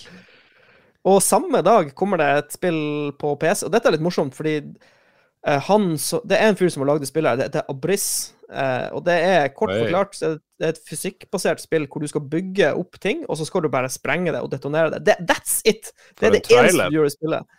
Eh, men det ser helt fantastisk ut. Trailer, Ja. Ja. Ja, og det, det jeg, husker, jeg husker det, fordi jeg tror det var for sånn her eh, to måneder siden, så lagde han bare en tråd på Reddit. bare, Hei, jeg holder på å utvikle et spill alene, hva syns dere om dette? Ser det kult ut, liksom? Og så plutselig dukka det bare opp på sånn liste over spill som kommer ut i april. Det var litt morsomt. Mm. Men det ser, ja, det ser kult ut. Det ser sjukt kult ut. Mm. Så det gjenstår jo Ja. Så jeg, jeg kommer til å prøve Jeg har lyst til å prøve dette. Jeg, um, det første jeg tenkte på, var eh, et spill som kom for sånn seks-syv år siden, som het Det var noe, et eller annet med Besieged eller Sieged, eller hvor du kunne Ja, bygge sånne krigsmaskiner og Ja, jeg husker ikke helt hva det het, men det var noe sånn Jeg fikk litt sånn vibber når jeg så det. Tommel opp spillet. til det her og 5000 views. Ja. jeg gir også tommel opp. Mm. Fordi han virker som en Jeg syns det er artig med sånn, en, sånn små prosjekter. Elleve elleve comments. It looks spectacular. Ja, Randverk. helt enig. Ja. Siste spill i april. Herregud, det er en mager måned, det her. Ja, tynn, tynn, tynn, tynn, tynn måned. Eh, da kommer det 26. 26. april kommer det et spill som heter The Serpent Rogue. Som jeg tror faktisk er et roguelike. Serpent Rogue. Jeg tror folk bare har skjønt at alle sitter og spiller Elden Ring nå, og så er bare Ja. driter i alt. Det er en sandbox roguelike, hvor du spiller en sånn her plague doctor. Ja. Eh, og så skal du fyke rundt og Hmm. redde verden fra korrupsjon. Er det en uh, survival simulator? Ja, de kaller det for en uh, sandbox roguelike. Explore the mysterious world of the serpent rogue. Locations and items are randomized by storms that sweep the lands. Og så er det sånn mutasjoner Ja. Jeg vet ikke. Det er Team 17 som lager det. Eller som gir det ut, mener jeg. Ja. Team 17, NFT-krise for deg. ja. De har jo revers rygga på det. De NFT. det er noe som heter. Sengi Games, som har utvikla det. Hva nå det er. Jeg syns dette så dritkjedelig ut. Beklager. Hva Ja, det, Jeg ble jeg, For å si det sånn, jeg så traileren, og jeg var ikke supergira på å spille det, må jeg innrømme. Nei, jeg vet ikke helt. Det ga meg ingenting der. Jeg tror, jeg tror jeg gir en tommel ned, og så kan jeg heller bli positivt overraska og spille det hvis det får uh, varm uh, omtale. Eller vent, jeg må gi de tommel opp. Ja. What? Ja, de er jo fra Ukraina, herregud. Å, shit! OK, tom, Kjøp det her spillet, snur. for guds skyld. vi snur, folkens. Ah. Åh, tommel opp. Tommel opp. Det var det. Skulle jeg Og det, starte det var april. Altså, det, Det var hele april, var det det? Ja, det, dette var det jeg klarte å finne. Det er sikkert noen spill jeg ikke har fått med, men dette var det som Mm. dukka opp på de fire-fem listene jeg klarte å finne. Siden det var så lite Jeg, har, jeg kan padde sendinga med å si at det var den store vaffeldagen. Jeg tror det var på fredag eller et eller annet sånt. Jeg måtte jo lage vafler og sjekke det ut. Hadde en sånn pose. Tenkte nå er det på tide å lage vafler. Jeg er jo en stor pannekakemann. Tenkte at vaffel er liksom søstera til pannekaken. Kanskje enda bedre. Du skal- vil jeg si. broren. Og du kan kombinere det med, med pølse og sånne ting som du ikke gjør eh, tradisjonelt med Dag Thomas. med Pannekake. De, de der gjør det. Ja. Men jeg ble så skuffa. Jeg vet ikke om det Ja. var fordi jeg brukte vanlig sånn Toro-pose, eller hva, men det var jo bare Det var skikkelig gørr. Det var skikkelig gørr. Men sånn, er ikke den Toro-posen ganske bra? Er ikke det bra vaffelrøre? jeg tror den er sikkert bra, og eh, det, Men det Jeg drev og kanskje gjorde dem, stekte dem for mye, jeg vet ikke, Du må ikke steke dem for mye. for mye, men kanskje det ble for mye deig, for du må bruke mye mer røre for å lage en vaffelkake enn en, eh, en pannekake. Jeg har akkurat det samme på. her, brunost Men hadde du det i vaffeljernet, eller hadde du det i stekepanne? Ja, det er i vaffeljernet. Er Hvordan er dere der? Hva er favoritten? Fordi Hos meg er nå det ingen tvil. Pannekake bare knuser Knuse vafler. Jeg, Det finnes mange forskjellige typer pannekaker òg. Det finnes sånne tjukke, små, runde amerikanske pannekaker, f.eks. Mm. Det er mer eh, kake enn eh, Altså, det er mer eh, i vaffelland. Ja. Så Ja, det altså, er hvis, det. hvis jeg måtte velge mellom de to, hvis jeg bare kan ha én ting i livet mitt, så er det pannekaker. For jeg synes det, det er en av livrettene mine. hva er det dere har på pannekaker, da? Bringebærsyltetøy og baconbiter inni. Oh my Eh, god. Brunost og bringebærsyltetøy. Brunost på Ja, pannekake! ja. So. Det er jo vaffelpålegg. Ja, men Ja. noen, noen mener det. Jeg har bare sukker på pannekake. Ingenting mer. What? Blåbær er jo nyrørt blåbærsyltetøy. Allergisk. Mm. Allergisk. Det, du bare later du som.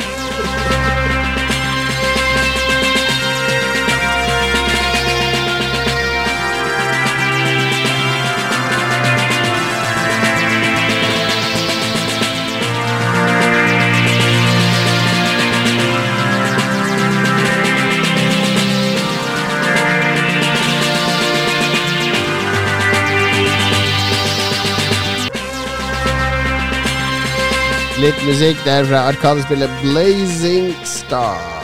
Blazing Star. Blaze it. 420 Blazing Star. Oh yes, oh yes. Vi er kommet til anbefalingen. Lars, anbefaler du korona? Uh, nei. Ikke nei, ta bilde av oss uten samtykke. Jeg snapper. Jeg snapper. Eh, Oi, jeg drev og holdt på å sende til Gøril i Alta. Det var jo ikke hva jeg skulle sende til. Ok, vi, vi setter den på frys. Eh, jeg skal anbefale noe, folkens. Og Ja. Det er litt sånn mystisk, mystisk eh, Ja. fire bokstaver. Ja! Er det noen som kjenner igjen det? VTSS.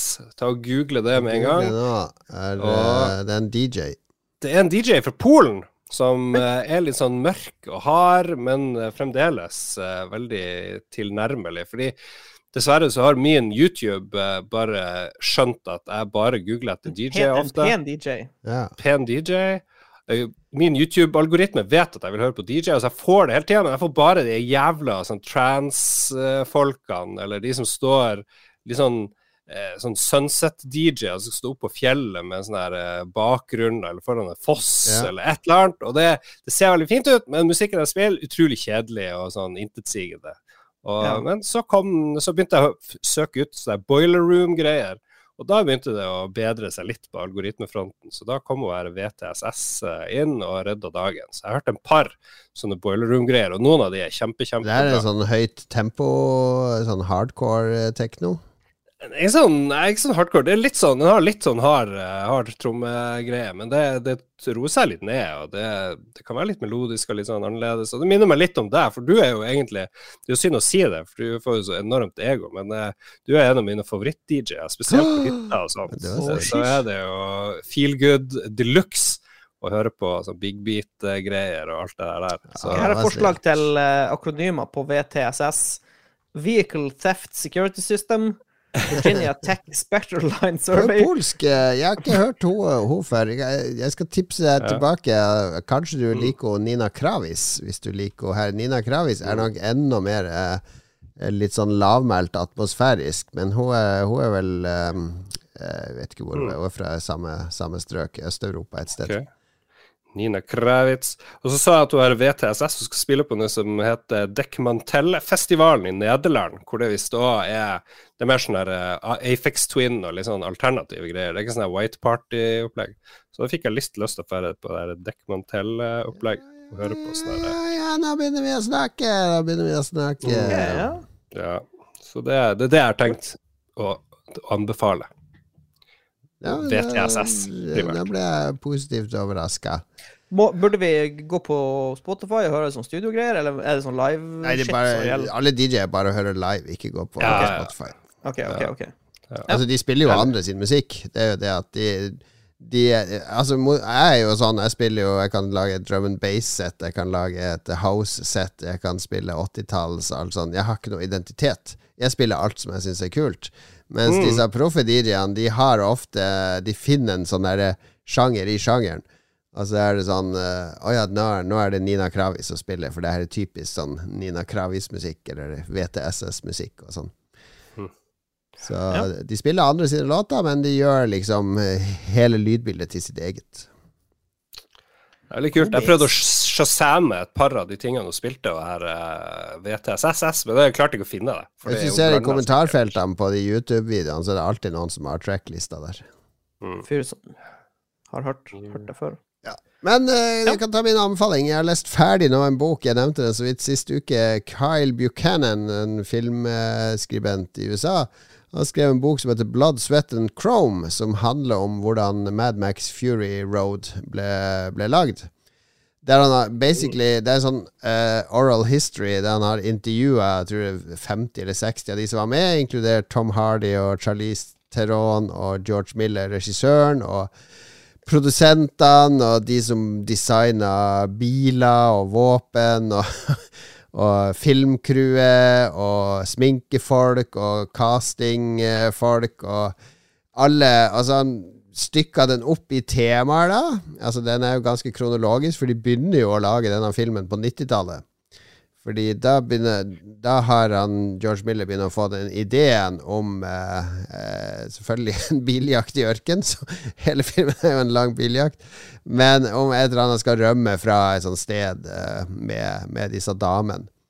Og da er de som uh, Babe, Pig in the City. ja, han lagde Babe, han lagde jo Happy Feet eh, og sånne ting. Mens han holdt på med å prøve å finansiere Mad Max. Og på, allerede på 90-tallet så var han jo i dialog med noen amerikanske TV-kanaler som mente at Mad Max kunne egne seg som TV-serie. Eh, men du må huske at det her var jo før Sopranos og HBO og sånn, så TV-serier var jo basically Det var ikke så sexy. Mad Max egner seg kanskje ikke til en sånn der uh, uh, Mm. Det var jo Silke på TV2. Ja. Det var Du uh, finner det i det landskapet. Men eh, allerede da var det interesse, så han holdt på med det her i mange, mange år. Og det er så mye kult med utviklinga av den filmen. Det er så mye, utrolig mye hinder de må over for å få til å lage ting. Altså, de hadde jo ikke noe manus til filmen. Det, han eh, samarbeida med en sånn tegneseriedude og en uh, sånn manusdude. Og manuset var 3500 sånne storyboards. Altså basically sånn tegneseriepaneler med Vi skal ha det shotet, som er to sekunder, altså det shotet som er tre sekunder, altså det shotet som er ett sekund. Så, så det hadde et helt sånn rom tapetsert med hele storyboardet til filmen der, der du bare måtte gå en sånn runde i rommet på en halvtime og prøve å få med deg alt som skulle skje. Eh, og det storyboardet var det de brukte som manus når de filma. Så basically filmen er bare å ta opp 80, 80 av filmen er fortalt i de storyboardene. Det Ja, det, for det er jo en ekstremt visuell film, så det skjønner jeg. Ja.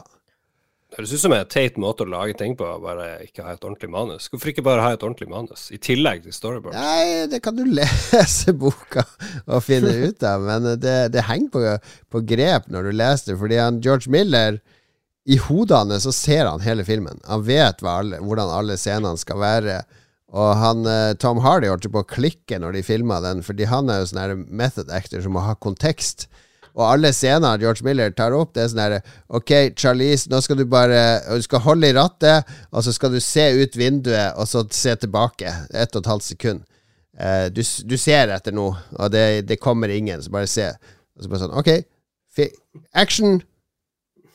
Cut! Bra!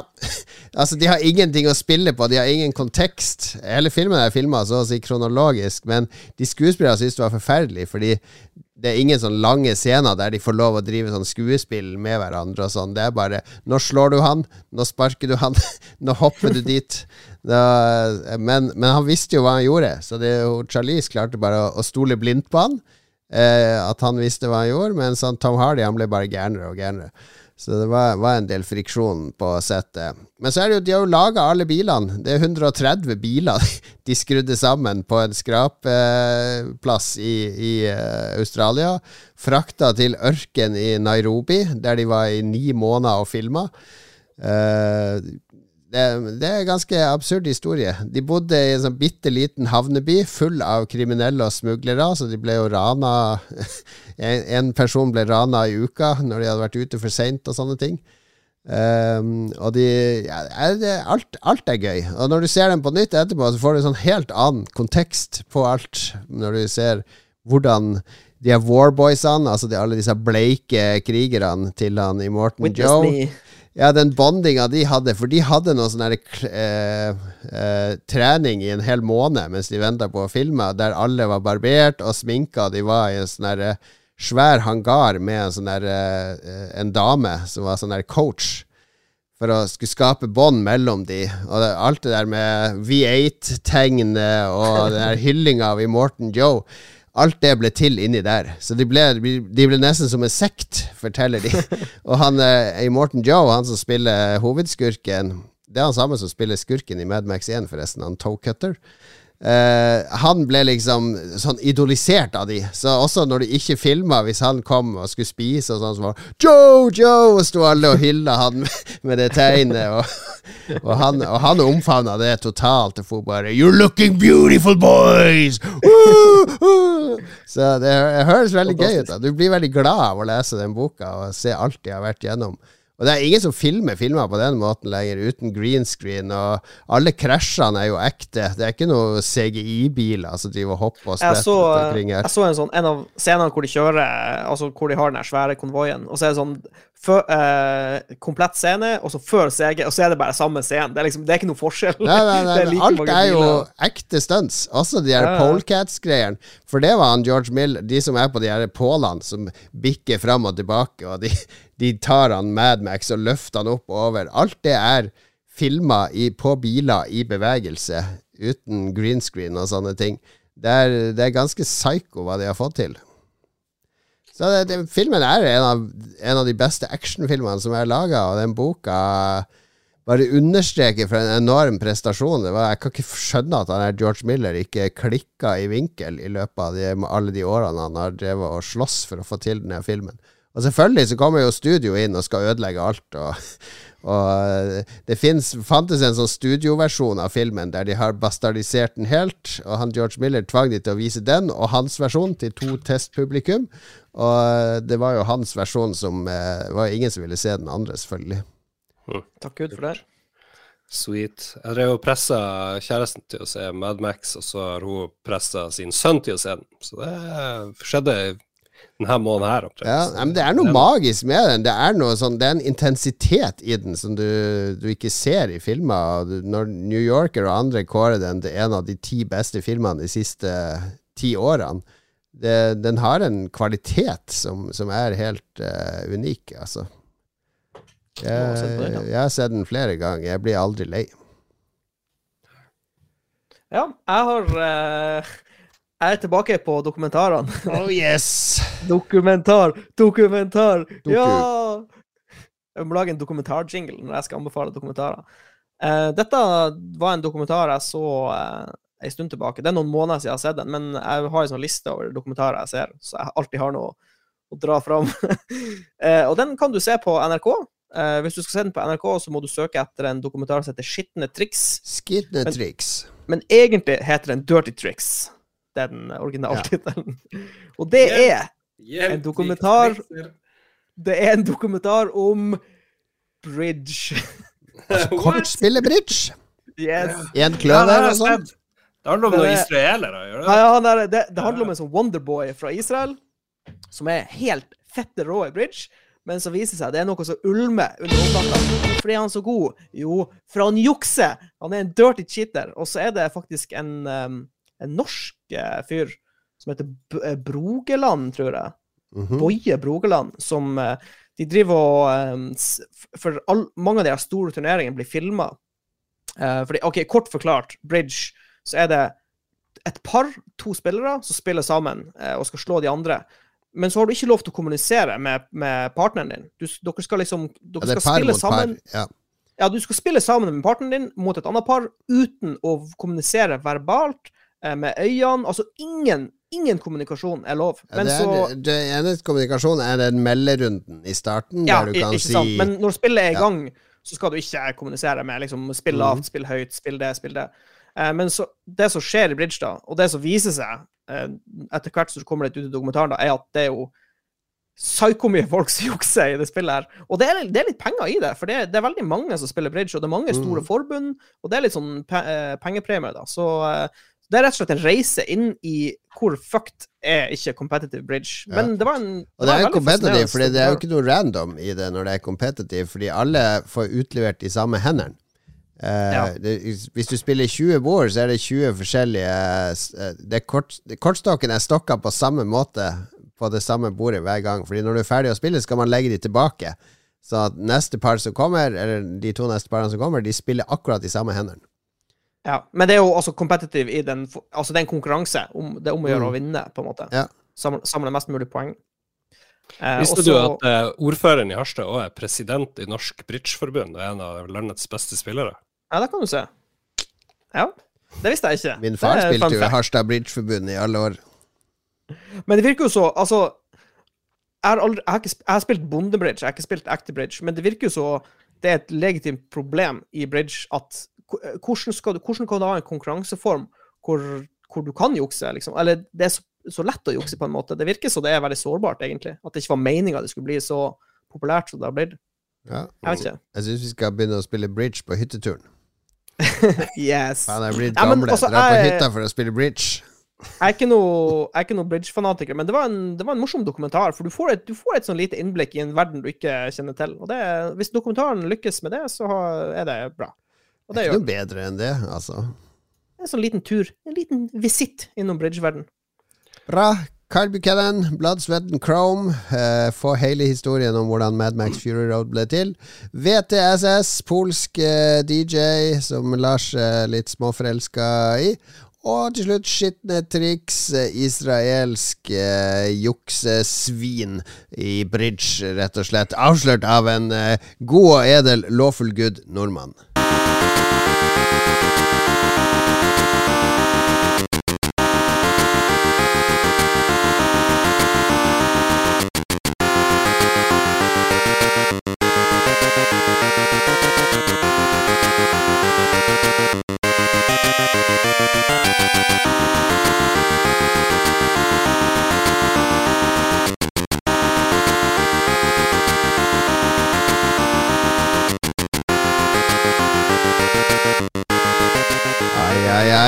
Ai, tone fra Choplifter 2.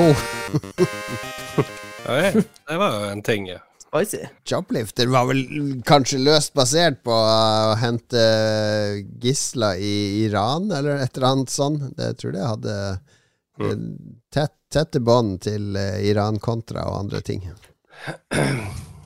Ja, ja, ja, må vi tenke på krig og sånt her. Har vi lytterspalte? Vi har en uh, veldig kort lytterspalte. Jeg Veldig tror jeg, jeg kom på at jeg skulle spørre folk om de har opplevd overnaturlige ting, eller hørt om overnaturlige ting. En sånn X-Files spesialrunde. Men uh, som jeg konkluderer sjøl med nedi teksten der, jeg tror det er lettere å få folk til å dele fetisjene sine, enn at de har uh, vært i nærheten av noe sånt som kan minnes om ghost shit. Men sånn er det. Sånn er det. Det var ikke så seriøst. Det var nå bare et, eh, et artig greie. Men jeg kan jo først spørre dere, hva er liksom det mest overnaturlige dere har, har opplevd? Jeg har jo opplevd masse. Jeg var jo lagde to dokumentarfilmer med sånne unge, naive harstadværinger som het Ghost Hunting Harstad for sånn ca. ti år siden snart. Det var jo hilarious. Du har ikke opplevd noe overnaturlig, selv om du var med noen sånne sjarlataner nede i en kjeller. Bare 'Å, her er det en rar lukt. Det tyder på Er det ektoplasm?' De mente jo at det var ekte greier. Men eh, jeg følte, jeg har jo nevnt det før. Jeg tror jeg oppdaga jo noe overnaturlig den dagen faren min døde. Eller i hvert fall tolker jeg det som i ettertid noe som er litt crazy. For da Ja. jeg drev og kjørte fra Harstad den dagen, og så nærma jeg meg For da, da bodde jeg i Alta, da. Så da jeg kjørte fra Harstad til Alta, tok jo åtte-ni timer. Så for jeg forbi hjemstedet til fader, og da jeg nærma meg det den dagen, så kom det plutselig tre sånne svarte fugler flygende over bilen. Eh, Jeg hadde jo bil da, eh, siden jeg kjørte mye frem og tilbake. Jeg har aldri sett tre fugler fly over, liksom. Følge bilen din bort igjennom. Det har aldri skjedd. Nei, det er ikke sånn der. Og så tenkte jeg, ja, det var nå litt weird. Og så kom jeg, så da kjørte jeg forbi den plassen hvor han, eh, faderen vokste opp. Og jeg tror det var omtrent da han døde, da. Eh, Så kom det plutselig tre hvite fugler i akkurat samme formasjon. eh, Fløy over eh, bilen. Og da tenkte jeg Jesus lord, hva er det som foregår her, liksom? Det her var det utrolig Ja, du merkelig. tenkte ikke det. Jeg gjorde det! Nei, tenk, Jo, jo, det er helt sant. Det er helt sant. det nekter jeg, det høres Ok. Men agerte du på informasjonen du fikk fra Jeg tenkte, jeg tok det som en sånn Eller jeg husker ikke om det kom først tre hvite fugler eller tre svarte fugler, men jeg tok det som en litt sånn warning, da. Eh, At her må Oi, shit, jeg må liksom Jeg må kjøre forsiktig, eller et eller annet. Men så var det Hvis, hvis vi skal følge logikken til det overnaturlige, så var det en sånn eh, varsel om at her var det i ferd med å skje, eller et eller annet. Men eh, i stedet så var det faderen som døde. Så da jeg kom hjem noen timer etterpå, så hadde moderen kommet hjem fra korøvelse, og da fant hun faderen liggende på gulvet. Stein død. Du, du, du. Ja, er ikke det artig? Jeg hørte forrige uke, men det er jo, eh, forrige uke-. Så så du en diger måke som satt ut på terrassen din, på grillen din, og bare stirra på deg og stirra på deg, og du frøys helt, og dagen etter hadde du korona. jeg, mener, jeg har fått et litt rart forhold til fugler. For nå når jeg ser en fugl som driver og gjør et eller annet rart, så tenker jeg oi, det er, det er en sånn fugl Han har liksom connection til min far, da, tenker jeg. Å ja. Så tenker jeg på faderen, og så sender jeg en liten tanke til ham. Ja, det er jo fint. Det er jo fint.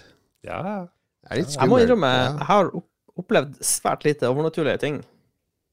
Jeg har, gjort det, jeg har opplevd overnaturlige ting gjennom uh, filmmediet, men ikke i virkeligheten, liksom. Det Ja. har, eh, ja, har til gode, det. Jeg har jo opplevd ting som déjà vu og sånn, men det er jo ikke overnaturlig. Det er jo bare eh, synapsene i hjernen som eh, kortslutter og sånne ting. Mm, Det, er, det kan jo være at du hopper fra én virkelighet til en annen. Ja, det er uh, nyhetsspeilet, mener det, men, men ikke jeg. Eh, Matrix, og det jo, har jo i kommentar her i lytterspalten Hvem var det, tror jeg? Det er jo uh, eh, en glitch i Matrix, det er jo når man har déjà vu. Déjà vu, ja. De sier så. Uh, vi har noen lyttere som har kommet med overnaturlige innspill. Han, Give it. Kristoffer Karlsen drømte at han en gang hadde betalt en regning, men så fikk han inkassovarsel i posten. Skumlere blir det ikke. Det er, det er creepy. Ja, det, Du, da, da betaler du regninga to ganger, liksom. I drømmen Ja. og i virkeligheten. Det Fins det noe verre, egentlig? Ja, jeg sliter med det, der, for jeg får noen sånne papirregninger. Det hater jeg. Og enda verre ha, hater jeg å få regninger på e-post. Å ja. Hvorfor det? Jeg bare får det rett i nettbanken, eller eh, Jeg har jeg, jeg, jeg får noe greier inn på Vipps nå, og det er så sinnssykt Ja. lettvint. Ja, vips. Send det til meg Ja. på Vips. Det er det beste. Ja, det er helt genialt. Og hvis du er en bedrift som ikke klarer å vippse eh, regninga, så kan du drite i å, å selge litt varer, rett og slett. Jeg, jeg, jeg, har, jeg har vært krangla med folk, for det er noen som bare sender på e-post. Jeg får jo 20 e-poster per dag, og så kommer det en med sånn herre «Eh, Faktura for domenet, domenet vårt. Lolbua sånn. Den forsvinner jo ut av den skjermen hvis jeg ikke markerer den. må, ja, du må jo gjøre det med en gang. Jeg, jeg har jo en gang i måneden så går jeg gjennom sånne type ting som har med Lolbua å gjøre. Og det har jeg glemt noen gang. Får jeg sånn purring og inkassovarsel. Og så har jeg maila det. Så går det ikke an å sette opp sånn avtalegiro? Går det an å få, få det rett inn i nettbanken, sånn som eh, kraftleverandøren min, telefonleverandøren min, alle andre klarer det?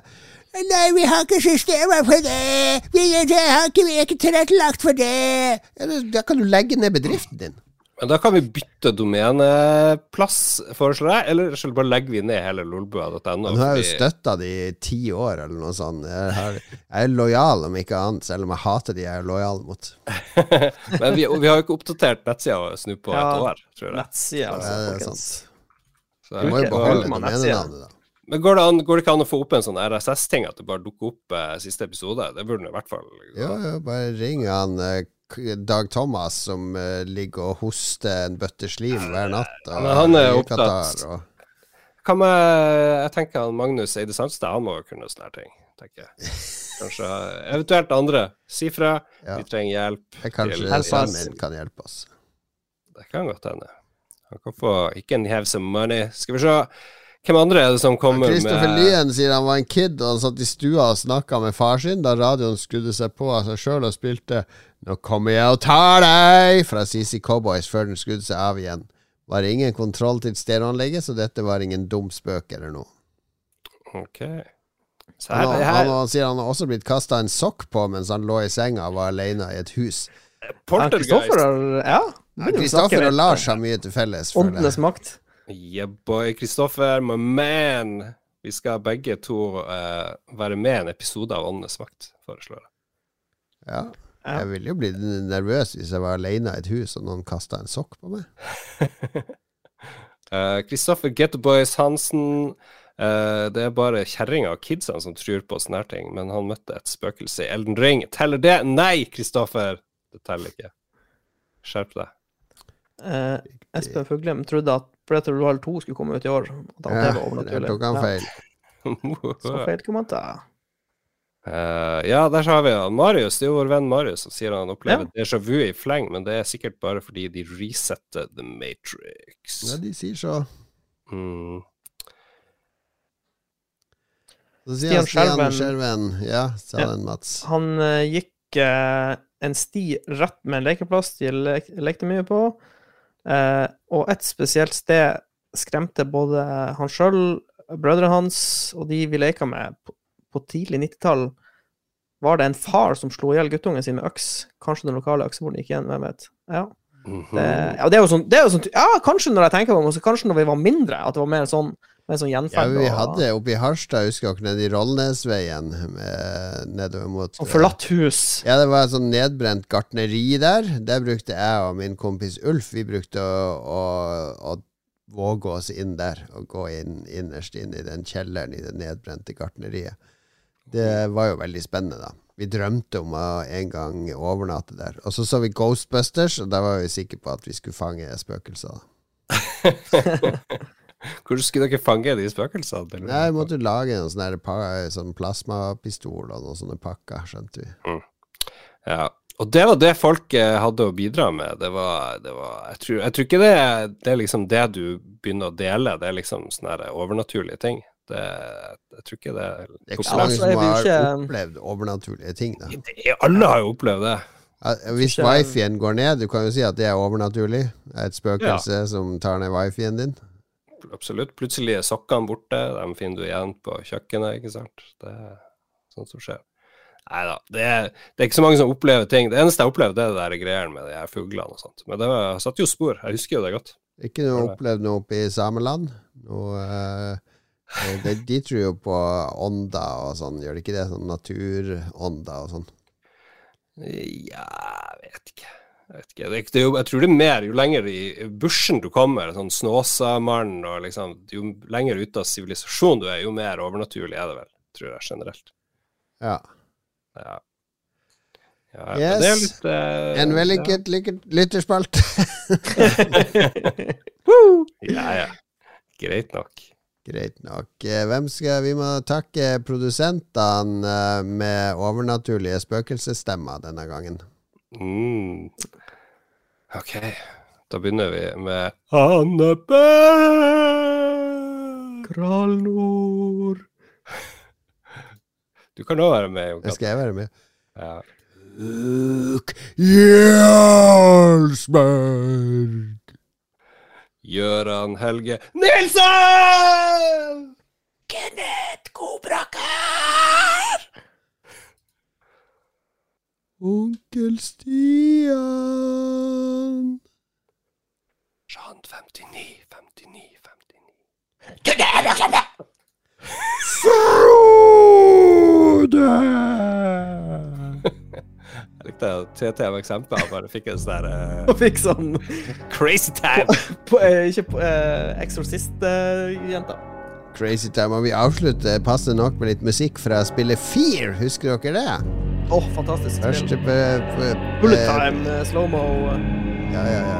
Og hva sto Fear for? For det var jo var F-E-A-R. Husker du det, Mats? Ja, det var sånn her eh, Fuck! Nei, jeg husker det ikke. Husker Fuck det- var det ikke. Uh, fuck against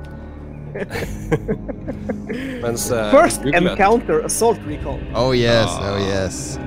Må takke absolutt alle lyttere og alle Alle patrions. som er- Ja. Ja. Patrions får episodene før alle andre, du. Og det skulle egentlig komme en Roffelbua nå i helga, men det glemte vi helt av. Ja, den kommer nå til helga. Kan ikke vi bare sende den ut sånn med en gang? Jeg har så mye å gjøre. Jeg skal på loppehenting to dager nå. Men er ikke, er ikke filen ferdig? Send de til han uh, Ja, de ligger inne i en sånn boks her. De ligger på den podkasten. boks! Ligger i en boks gravd ned i hagen. Beklager, lyttere. Ja, en black box. Får den til helga. Vær nå litt tålmodig, da, kjære lytter. Ja. Og så, ja Eh, Gjør klar til påske. Det kommer en sånn kakemenn. Påskekakemenn. Jeg vet ikke når det ble en tradisjon. Påskekake. Google kakemenn påske. Det har blitt en sånn ny greie i butikkene som ingen skjønner hvor kommer fra. Kanskje er det noe overnaturlig? Kanskje er det noe Lars sine paranormal investigation skills kan finne ut av. Vi får svaret neste uke. Takk for oss. Ha det.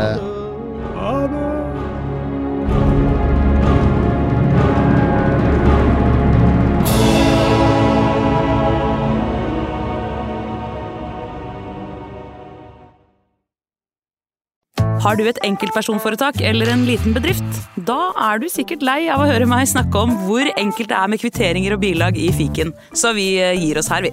Fordi vi liker enkelt. Fiken superenkelt regnskap.